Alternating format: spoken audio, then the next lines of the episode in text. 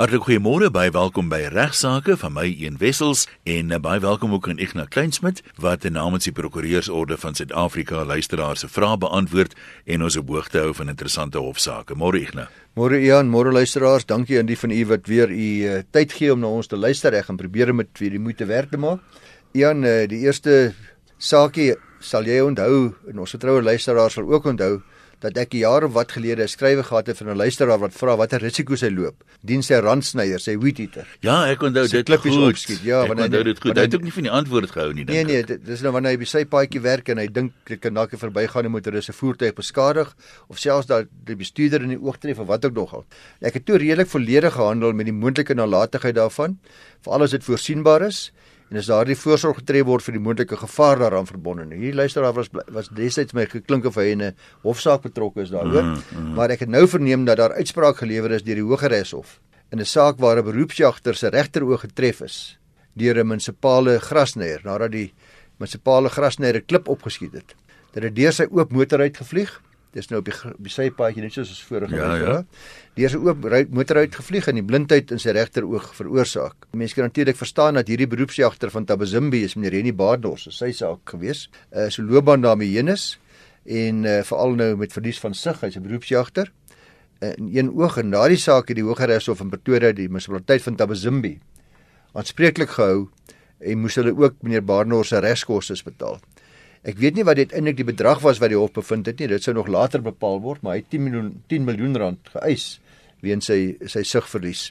Nou die nalatigheid hier was duidelik die munisipaliteit se werknemers wat gras gesny het op 'n plek op 'n middelman naby 'n straat waar dit beslis nie veilig was om dit te doen nie en waar daar nie seker gemaak is dat rotse of klippies nie gevaar vir ander mense nou in hierdie geval motoriste wat daardie pad gebruik nie. Dis duidelik gevaarlik as jy weer daar klippies opskiet om dan toe te laat dat daar voortgegaan moet word met die aksie of handeling terwyl voertuie verbyry.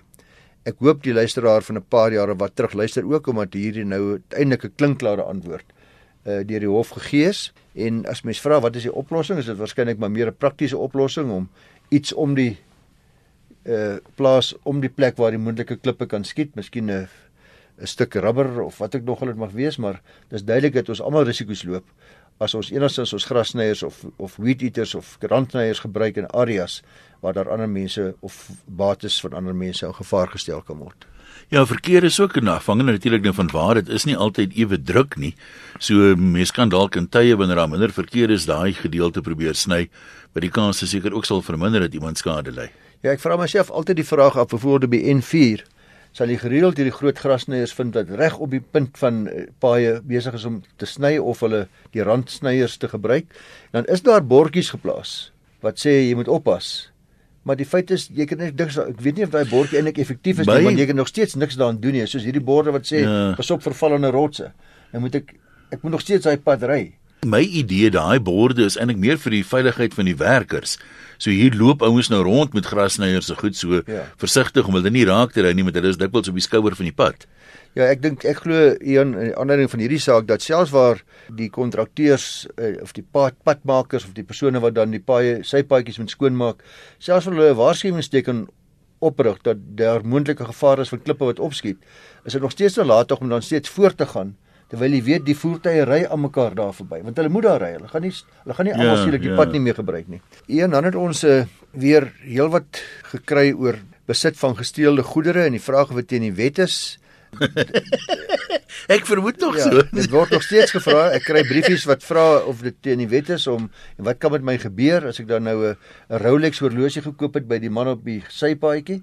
Nou ja die antwoord is soos jy reg weet beslis ja, dis onwettig, dis dis 'n misdryf wat ter sake is en is self omskrywend en dit staan bekend as die ontvangs van gesteelde goedere wel wetende dat dit gesteel is. Nou as mens sê hy opset by wel wetende is dit ook opset by moontlikheidsbewussyn, moes ek redelikerwys bewus gewees het dat dit gesteelde goedere is. Nou hierdie ontvangs verwys direk na die inbesitneming van die goedere. Dis ook duidelik dat die persoon bewus moet wees van die feit dat hierdie goedere gesteel is. Uh, of soos ek sê of ja 'n redelike of geringe vermoede het dat die goedere gesteel kan wees. Dit kan ook lei tot 'n skuldbevinding. Daarom is dit belangrik dat mense nodige vrae vir navraag moet rig oor die goedere en waar dit vandaan kom, sodat indien daar enige onsekerheid is, indien dit lyk na onheil, uh, mense eerder nie die items koop en in besit neem nie. Dis daai indien dit lyk vir jou of daar is 'n slang in die gras. Daar iets is nie reg nie. Daar was voorheen een of twee artikels en ek dink 'n algemene regswysigingswet wat te doen gehad het met besit van vermoedelik gesteelde goed. Ja. Maar ek weet nie of dit nog geldende reg is nie. Dit is nog geld uh want 2009 is die wet waarna jy verwys, was daar 'n nuwe wet in werking getree wat geheel en al uh, die handel van gesteelde goedere reguleer. Dit is die uh dis 'n Engels, is net in Engels, ek het maar direk vertaal die tweedehandse goedere wet. Wet 6 van 2006. Uh daar is so 'n wet want in praktyk gebeur dit gereeld dat mense wat hulle skuldig maak aan die misdryf dan probeer skuil agter hulle onkunde. Hulle dan kon sies nie ja. geweet nie gesteelde goedere is nie. Maar 'n voorbeeld van hierdie rooi ligte wat eintlik moet brand is byvoorbeeld as daar uiters lae verkooppryse is. Die winskoop is goed om waar te wees of verkopers wat nie kan verduidelik waar die items vandaan kom nie of verkopers wat sê hulle die items opgetel Dit was nie waar is ja, en dan natuurlik Wat is nou nie waarskynlikheid iemand gaan met 'n sak vol Rolex horlosies op 'n straathoek staan om dit te verkoop ek absoluut, meen Absoluut, absoluut. Ja, nou hierdie wetgewing in terme van hierdie wet is baie belangrik dat alle persone wat handel dryf met tweedehandse goedere moet geregistreer wees by die Suid-Afrikaanse polisie. Ons praat hier van pandwinkels en skrootwerwe. Uh, wat waarskynlik hierso die tekenis van die wet uh, hulle moet registreer en so 'n registrasiesertifikaat word uitgereik wat in alle tye duidelik sigbaar moet wees by die plek van besigheid, daar waar hy die skrootwerf is, daar waar die pandwinkel is. Indien 'n tweedehands handelaar handeldryf sonder om geregistreer te wees terloops, kan hy 'n boete van tot 1 miljoen rand opgelê word. Nou hierdie nuwe wet plaas 'n groot verpligting op tweedehandse handelaars. Daar word ook van hulle vereis om te alle tye die persoon by wie hulle die goedere aankoop se volle besonderhede te hê as ook 'n duidelike uiteensetting van waar die goedere vandaan kom. So as iemand nou vra as dit 'n is dit 'n misdaad sê ek ja, om mee te begin kan jy daai ding eintlik nie verkoop nie, jy moet presies sê waar jy hom kry of da, en of dit redelike redelik is of hy by behoorlike geregistreerde mense gekoop is ensovoorts en uh, as jy dit nie kan doen nie, dan moet die tweede dan die tweedehandshandelaar sekere pligte dit plaas hierdie groot verpligting op hulle om seker te maak want artikel 22 van hierdie wet vereis dat hierdie eienaars van besighede die polisie in kennis moet stel indien hulle vermoed dat goedere gesteel is of indien hulle vermoed dat die dokumente en inligting oor die goedere vals is. Hierdie wet gee ook die bevoegdheid aan die polisie om enige tyd 'n ondersoek in te stel by enige tweedehandse handelaar of by 'n skroopwerf indien die tweedehandse handelaar dan nie die reëls van hierdie wetgewing nakom nie. Soos ek sê kan hy 'n uh, baie stewige boete kry of selfs 10 jaar tronkstraf in die gesig staar. 'n Tweede vraag wat gevra word is hoe hierdie wetgewing toepassing vind dan spesifiek op pandwinkels en skrootwerwe. Ek het dit reeds so deels gehanteer, maar uh, daar's 'n groot verpligting op hierdie besighede en daar word definitief van hulle verwag om met redelike sorg elke kooptransaksie of pandtransaksie behoorlik na te gaan. Want indien hulle roekeloos optree en steeds gesteelde goedere gaan koop of nalatig optree selfs, sal hulle dan self die straf moet dra. Die hoop is dat hulle uit vrees en beskerming vir hulle eie besighede eerder die polisie in kennis sal stel indien daar 'n persoon is wat hierdie gesteelde goedere aan hulle wil verkoop of wil verpand.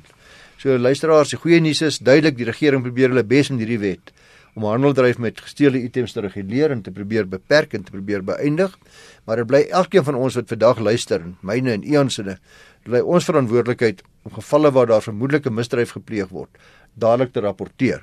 Uh indien ons dit nie rapporteer nie, sal die wetgewing nie sy doel bereik nie. Want nou net weer eens, die dealer waar u nou gaan koop by hierdie man op straat of de, of vermoed is gesteel, die dealer is so goed soos die steeler.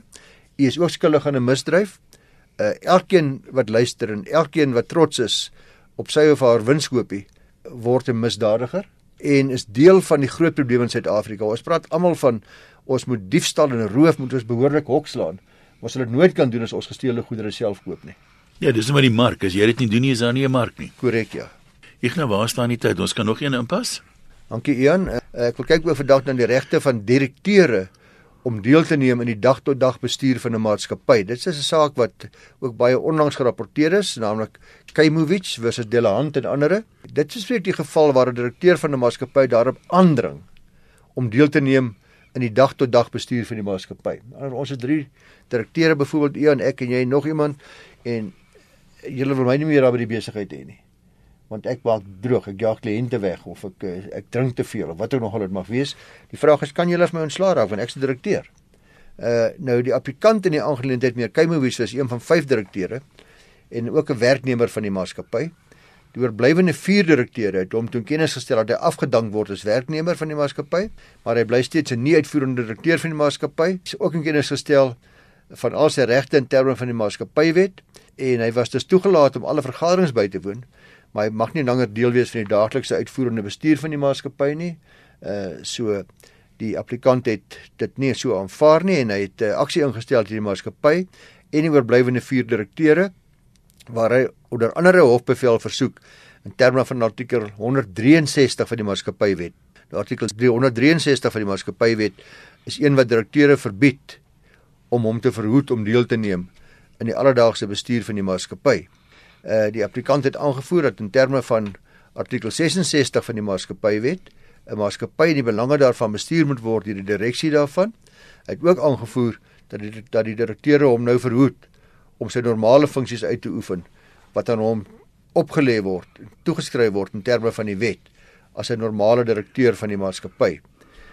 Die hof kyk mooi na artikel 66 van die wet en uh, die hof bepaal dat artikel 66 van die wet nie inhou dat 'n direkteur die reg het, absolute reg het om in dag tot dag take van die besigheid deel te neem nie, maar dat die direksie van die maatskappy mag besluit aan wie die direksie uitvoerende magte toevertrou. So as hulle besluit direkteur X het nie uitvoerende magte nie. Hy kan nie daar kom dag tot dag besigheid doen nie. Dan kan die meerderheid direkteure so besluit neem en gevolglik is 'n uh, eh, meneer Kaimovich is 'n aansoek van die hand gewys met kostes en uh bevestig die hof weer dat deur dat een dat direkteur nie so baie magte en regte het as wat hy altyd dink nie. 'n enkel direkteur. Ek wonder altyd so die storie agter die storie hier want waarskynlik 'n mooi storie. Ja. Kom ons laat dit liewe daar. As jy nou net ingeskakel het op RSG is jy net betyds vir die tweede deel van vandag se regsaake. Ja, Ian, ek het uh, in die eerste gedeelte die saak hanteer of ek van die direkteur kan verbied om in die dag tot dag sake van 'n maatskappy deel te neem en die antwoord daarop was ja, ander direkteure kan dit doen. Die volgende vraag is kan ek as aandeelhouer gedwing word om my aandele te verkoop? Nou, hierdie vraag word al hoe meer gevra in vandag se besigheidswêreld. Gestel jy en vier vriende het saam 'n BK van maatskappy. Jy was jonk toe jy begin het, jy was onkundig, jy was nog jy sterre nog gehad in die oë met verloop van tyd besef jy dat jou besigheid regtig sukkel om behoorlik te groei en dis veral as gevolg van besluite gemaak deur een van jou mede-aandeelhouers. En uh, is daar iets wat jy kan doen of moet jy net aanvaar dat jy oorhaastig besluit geneem het toe jy jonk was en dat of toe jy die maatskappy begin het en jy het die verkeerde jockey saam met jou gekies of moet jy maar met die gevolge saamleef? Nou artikel 163 van die maatskappywet sê dat 'n aandeelhouer kan of 'n direkteur van 'n maatskappy kan 'n hof nader vir verligting waar dit doen of late van die maatskappy of 'n verwante persoon daartoe gelei het dat die applikant, dis nou die persoon met die hof nader, onregverdig benadeel word of wat sy belange nie behoorlik in ag geneem word nie. Dus in gevolge hierdie artikel mag die hof enige bevel maak wat die hof gepas vind onder die omstandighede wat die aansoeker voor die hof lê. Dit sluit in 'n bevel dat 'n bestaande direkteur verplig word om sy aandele te verkoop aan bestaande aandeelhouers. Nou hierdie remedie is 'n baie ingrypende remedie. Is nie net tot beskikking van aandeelhouers in 'n maatskappy nie, maar bevat die wet op beslote koöperasies gelykstaande bepalinge in artikel 36 en artikel 49 nou in 'n onlangse hofsaak wat hierdie jaar gerapporteer is, de Klerk versus Ferreira en ander, was die eiser, kom ons noem hom maar de Klerk, aanvanklik die enigste lid van 'n BK, sowel as die alleen aandeelhouer van sy maatskappy. Uh hierdie maatskappy het grond besit uh, waarop de Klerk geboer het en uh hy het later vir 'n verdere persoon aangestel om die plaas te bestuur. Dit was toe Ferreira. Met die verloop van tyd het die klerk die helfte van die BK sowel as die maatskappy aan Ferreira verkoop. So die BK wat nou besigheid doen, sowel as die maatskappy waarop die besigheid gedoen word, die plaas eh, is uh, Ferreira nou die helfte aandeelhouer van. Ferreira het ter geld uh, wat die BK toekom na bewering vir homself toegeëien. Het ook vir sy eie gewin op die maatskappy se grond begin boer en vaslik aangevoer uh, dat hy van die grond by die maatskappy huur en die kerk nader toe die hof met 'n aansoek om Ferreira te beveel om sy aandele in die maatskappy sowel as sy belang in die BK aan uh, die kerk te verkoop. Nou die hof het die kerk se eis toegestaan want artikel 136 van die maatskappywet en artikel 36 en 49 van die wet op beslote koöperasies gee baie wye diskresie aan 'n hof om oordrag van aandele of ledebelang af te dwing om benad, om enige gedrag wat my benadeel te voorkom. Elke saak sal op sy eie meriete beoordeel word. Kyk wat die wat presies die feite is of daar werklike nadeel is voordat 'n persoon sommer net verplig word om sy aandele te verkoop. En uh, wat hy aandele verkoop sal die sal normaalweg sal die mede-aandeelhouers dan 'n voorkeurreg kry en sal daar 'n formule bepaal word waar volgens redelike markwaarde dan bepaal kan word. Ons het hom. Dan uh, die sogenaamde oorneem van voertuigpaemente. Mm. Iets wat baie gereeld neem, iets wat ek jare laas gehanteer het. Uh maar daar is nou 'n interessante vragie wat 'n luisteraar gevra het. Sê gestel persoon A, ek weet nie of dit die luisteraar self is soos hy maar sy naam verswyg. Veiligheidshalwe. Want hy noem hy, in sy briefie praat hy van persoon A. Gestel persoon A weens veranderde werksomstandighede kan nie langer sy maandelikse voertuigpaaiement by Westbank bekostig nie. Persoon A sien 'n advertensie in die plaaslike koerant van 'n agent wat aanbied om motorpaaiemente oor te neem sonder enige komplikasies. Persoon A nader die agent om uit te vra oor die paaiementsoorname en die persoon, die agent, lig hom nou in dat hy inderwaarheid kopers het wat met graagte die paaiemente sal oorneem en hy self sal ook al die nodige reëlings met Wesbank tref. Jy hoef nie bekommerd te wees nie. En uh dat persoon A met ander woorde nou van die motor ontslaas een van die paaiemente en dat Wesbank heeltemal tevrede is daarmee.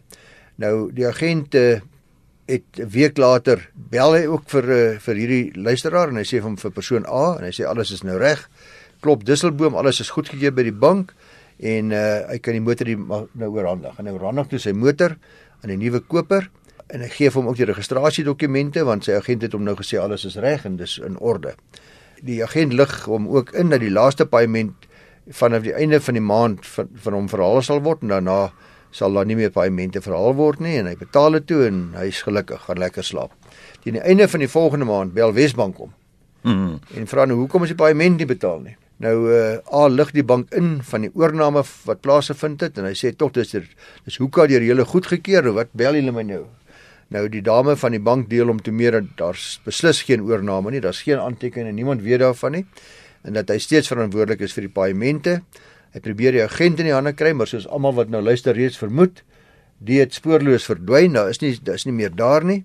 En uh 3 maande later wil die bank beslag lê op bates van uh die luisteraar om die agterstallige paemente vir die motor te verhaal. Nou hierdie is 'n prentjie luisteraars wat gereeld in Suid-Afrika afspeel.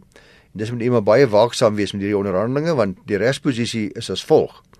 Wat die bank aanbetref, sal die paemente beslis steeds van A verhaal kan word omdat hy regstens gebind is deur die kontrak wat hy met die bank gesluit het by die koop van die voertuig en omdat die agent nooit werklik reëling met die bank getref het nie en die bank nooit bewus was van die oorname nie en dit nie goedgekeur het soos dit hulle moes nie, is die ou kontrak nog steeds geldig. Hy staan nog net so. Die agent wat die opsetlike wanvoorstelling geskep het, raak in die reëlings met die bank.